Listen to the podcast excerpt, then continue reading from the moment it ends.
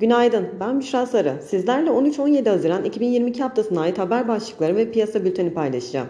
Başta FED olmak üzere merkez bankalarının güçlü parasal sıkılaşmaya devam edeceği beklentisi ve Avrupa Merkez Bankası'nın bir sonraki toplantı için faiz artı sinyali vermesiyle global riskten kaçış eğilimi devam ediyor.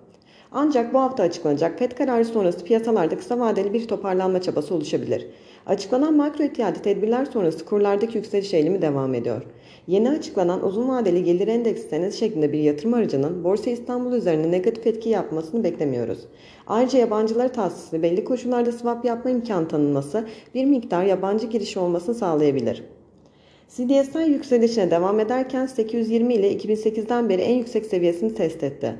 Borsa İstanbul, yabancı payı son 20 yılın en düşük seviyesi olan %34.65 seviyelerine geriledi. Kur korumalı mevduat toplamı ise 931 milyar TL'ye ulaştı. Borsa İstanbul 100 endeksi için orta vadede mevcut temel hedef fiyatımız 3000 endeks hedef fiyatını işaret ediyor. Borsa İstanbul'un yüksek enflasyon ortamında TL varlıklar için de alternatif yatırım aracı olmaya devam edeceğini düşünüyoruz. Model portföyümüzden TOFAŞ'ı çıkarırken bir maaşe ve Portoto'yu ekledik. Bankalardan Akbank ve Yapı Kredi Bankası model portföyde yer almaya devam ediyor. Portföyümüzde yer alan Coca-Cola ve şişe endekse göre güçlü seyrini devam ettirirken son dönemde endekse göre zayıf kalan Ereğli, Arçelik ve Bimaşe gibi hisselerde düşüşlerin alım fırsatı olacağını ve orta vadede güçlenebileceğini düşünüyoruz. Model portföyümüzde olmasa da güçlü performans gösteren havacılık sektöründe kısa vadeli sert düşüşlerin alım fırsatı olacağından Türk Hava Yolları ve TAV Havalimanlarını yakından takip edilebilir.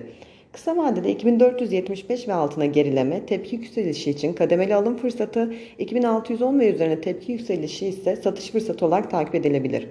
Bu hafta açıklanacak önemli veri gündemi 14 Haziran ABD üfe enflasyonu, 15 Haziran ABD perakende satışlar, çekirdek perakende satışlar, FED faiz kararı.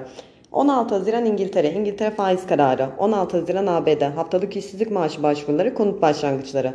17 Haziran ABD, sanayi üretimi ve kapasite kullanımı açıklanacak. Kazançlı bir hafta dileriz.